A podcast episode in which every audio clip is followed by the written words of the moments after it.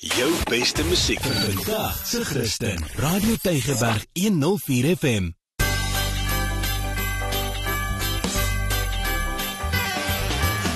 Alles wat lekker is op Tygerberg 104 FM met Ingrid Venter en Annelie de Pre.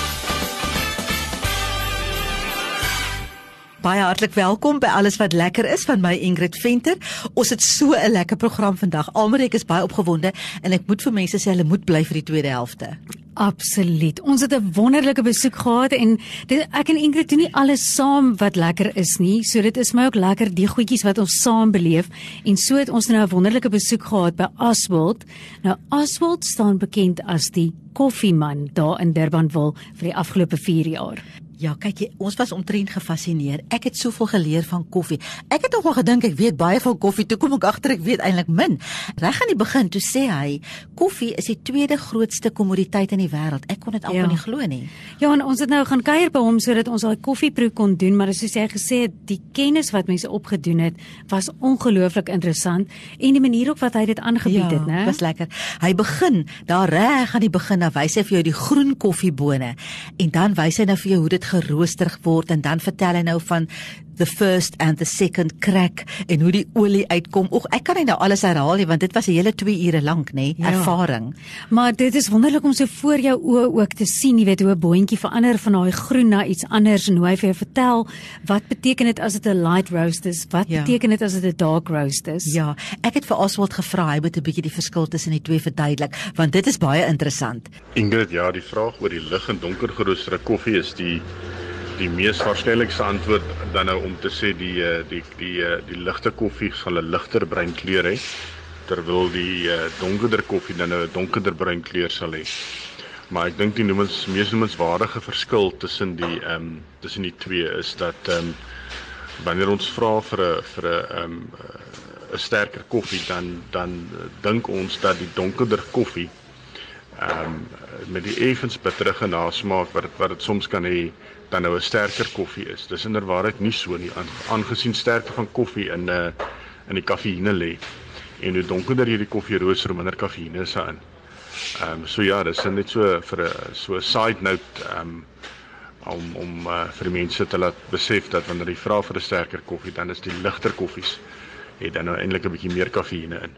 Nou om koffie te rooster Almarie is eintlik 'n vreeslike groot kuns. Dis nie enige iemand wat dit kan doen nie. So ek het vir Oswald gesê moet so 'n bietjie meer vertel oor ouens wat koffie rooster.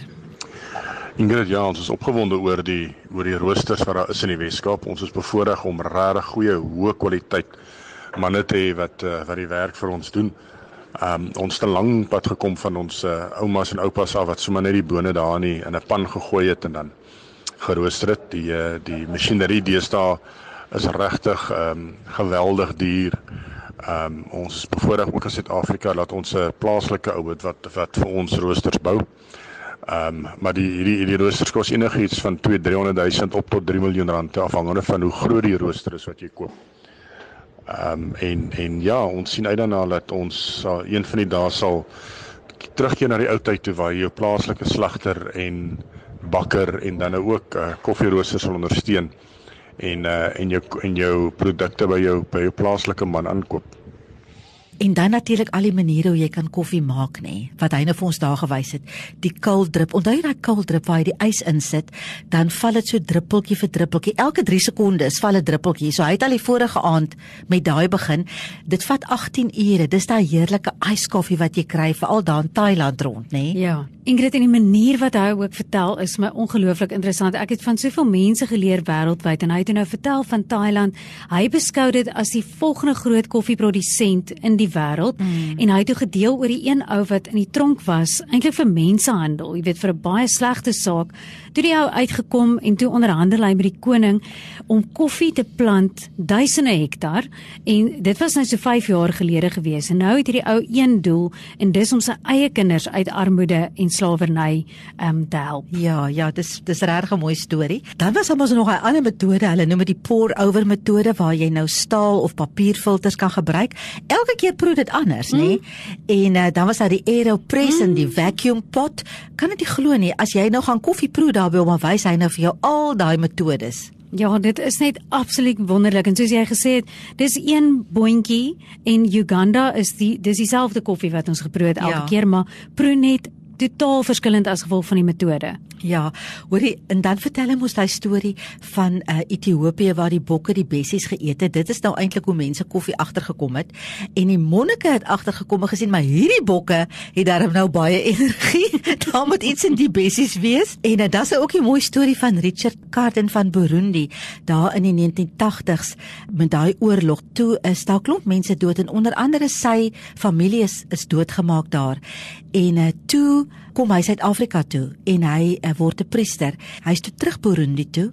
Hy boer nou daar met koffie en die mense wat sy ouers doodgemaak het, is in sy diens. Ja. Nou ja, as jy by Koffieman gaan kuier, kan jy nou die koffieproe doen en dis R175 per persoon en dis vir 2 ure wat hy dan saam met jou kuier. Maar as jy dalk ook net wil gaan koffie drink en iets eet, dan is dit die ideale plek vir jou. Ja, so jy kies uit 14 verskillende koffies. Natuurlik kies jy nou jou voorbereidingsmetode. Hy wys eintlik vir jou al 4. So ek het baie gehou van die AeroPress. As ek nou weer daar gaan koffie drink, dan gaan ek definitief nou baie slim klink en sê AeroPress asseblief. Ek gaan nou nie slim klink nie, ek gaan wel net sê wat vir my gefassineer het is daai apparaat. Dit lyk of jy in 'n wetenskapklas sit, Ja. né? Dit lyk so 'n wetenskap eksperiment en dan kom daai koffietjie uit en hy proe net sommer besonder. Kyk jy, ons het lekker geëet, nee. Wil jy iets vertel van daai lekker uh, ietsie wat jy gehad het? Ag, ek weet nie wanneer gaan ek myself honger praat, maar ja, ek gaan vertel want ek kan nie onthou wanneer laas ek 'n jaffel geëet, maar 'n jaffel soos wat ek dit onthou by atletiek byeenkomste O, wil ek ja, amper sê bazaars, nie. ja. En dit was nou die heerlikste curry jaffel of sê hulle curry in die Kaap, ek weet nie. Ek sal net maar curry sê vir die mense. En daar's nog heelwat ander lekkernye op daai spyskaart. Hoorie maar was nou eintlik daar gewees vir die koffie, nê? Ja, maar ek het so lekker geëet. Laat ek nou net gou 'n wenk deel wat Aswild gegee het. As jy by die koffiewinkel instap, maak seker die steamer deel van die koffiemasjien is silwer skoon. Dis nou as jy by 'n ander koffiewinkel Ja, instap, ja. by syne gaan dit skoon wees. Maar hy sê kyk na die kleur van die koffie in die haper, so die steamer moet skoon wees, Ja. want dis nou waar die melk gebruik word. Ja. Hy sê as daai aangepak is, dan sê dit al vir jou baie en dit kan jou siek maak Ja, actually. ja. En dan as dit kom by die bone ook, as jy nou byvoorbeeld hou van 'n light of 'n dark roast, dan moet jy kyk na die koffie in die happer, jy weet hoe dit daar Daar waar die lyk. bone in lê. Dan gaan jy al klaar 'n idee kry van wat se tipe roast hulle Ja, het. lekker. Maar uh, saam met ons, uh, saam met my en Almarie was ook Rihanna hier van die radiostasie en Elise Parker. Oeg, ja, kyk hier en toe skuif jy gesprek mos nou 'n bietjie aan, maar nog steeds oor koffie. Nou hoorie, toe vra ons mos nou vir Aswald uit oor kits koffie. Want dis tog waarmee die meeste van ons nou groot geword het, nê? Nee? Ek meen Riet koffie en Friskou en al daai goeders. En uh, toe sê hy maar is nou eintlik glad nie koffie nie. Toe sê ek nou sê jy moet verduidelik Aswald. Ja, Ingrid, jou vraag oor kitskoffie is mos maar altyd 'n 'n dilemma wanneer 'n mens baie lief is vir vir vir koffie. En van die kitskoffies bevat sugery wat nie werklik koffie is nie. Ehm um, en dan is daar natuurlik nou ook onlangs uh, in die media groot ophef gemaak oor die feit dat van ons ehm um, uh kitskoffie produsente hulle name moet verander omrede ehm um, daar nie genoeg koffie is uh in die kitskoffie om dit koffie te noem nie. So uh gaan speur maar 'n bietjie na na dit wat jy koop en maak seker dat as jy iets koop dat dit regte koffie is. Ja, Ingrid, ek het glad nie geweet waarvan jy praat. Jy onthou van hoe mens, ou mense blykbaar koffie in die pierings gegooi en dan drink hulle die koffie uit die piering. O, ons hulle het so- kykies. ons het so ver teruggegaan in die verlede toe begin praat. Ons onthou julle hoe die ou mense altyd koffie in die piering gegooi het en dit koud geblaas het, het uit die piering uitgedrink. Hulle het dit regtig gedoen almal die. Ek skud maar net my kop, maar toe raak Elise mos nou liries oor nog iets wat ek glad nie geken het Ja, nie. kyk hier. Nee, maar dit ken ek nou. Dit is man, daar's iets baie spesiaal aan dit en dit is mos nou, hulle noem dit railway koffie of spoorweg koffie. Ek het so gelag vir Elise nê, want sy sê toe die beste plek vir railway koffie is by die koffiewinkel by die Vincent Palati Hospitaal. Toe sê sy man, jy soek sommer iemand wat jy kan hospitaal toe vat sodat jy net 'n koffietjie kan gaan drink. Ja, Elise het ook uitgevind wat se korrekte en die perfekte manier om die railway koffie te maak. So, is jy reg? Hier kom dit. Waar is daar se koffie moet 'n rukkie kan kook. So jy vat jou gewone beker koffie, hoe jy dit ook al maak, 'n beker swart koffie, en dan maak jy vir jou in 'n klein pannetjie of 'n klein keteltjie so 2 eetlepels kondensmelk warm. Dit bring die geroosterde karakter van die koffie uit as jy dit dan daarbey gooi. Gooi dan jou kondensmelk by jou koffie, klits dit lekker op en dan ja, hier is die spesiale Elise Parker weergawe. Dan wat jy net so kniffie kaneel strooi dit so bo oor en gooi dit dan terug in die pannetjie waarin jy die kondensmelk warm gemaak het. Laat dit net so 'n minuut kook en dan gaan jy kan proe. Dis nie maar net nog 'n koppie soetmelk koffie nie of soet kondensmelk koffie nie.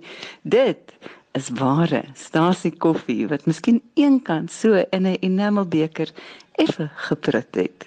So ja, dis nou vir jou railway koffie. Kyk jy gaan dit nou nie by koffiekondenseurs kry nie. Daarvoor gaan jy na Koffieman toe. Dit is 'n groot bederf, dis 'n groot lekkerte en jy sal teruggaan want Oswald is so passievol en hy gaan regtig uit sy pad uit om vir jou die lekkerte van koffie te laat beleef. Dit was nou alles gewees oor die Koffieman Oswald en as jy besoek wil aflê, hulle is in Durbanville, hulle is in Kerkstraat of Church Street en hulle is weekdae oop van 07:30 sommer lekker vroeg vir sake manne en vroue tot en met 4uur en Saterdag van 8uur tot 1uur. Ja, en jy kan hulle ook op Facebook kry. Gaan maak gerus dra, jy gaan nie spyt wees nie. So van my Ingrid tot 'n volgende keer sê ek dan totsiens. Van my Almarie, ek waarskynlik nou al as jy daai koffie geproe het, gaan jou nou nie meer lekker proe nie.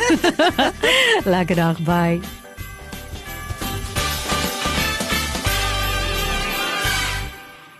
Jou beste musiek vandag se Christen. Radio Tygerberg 104 FM.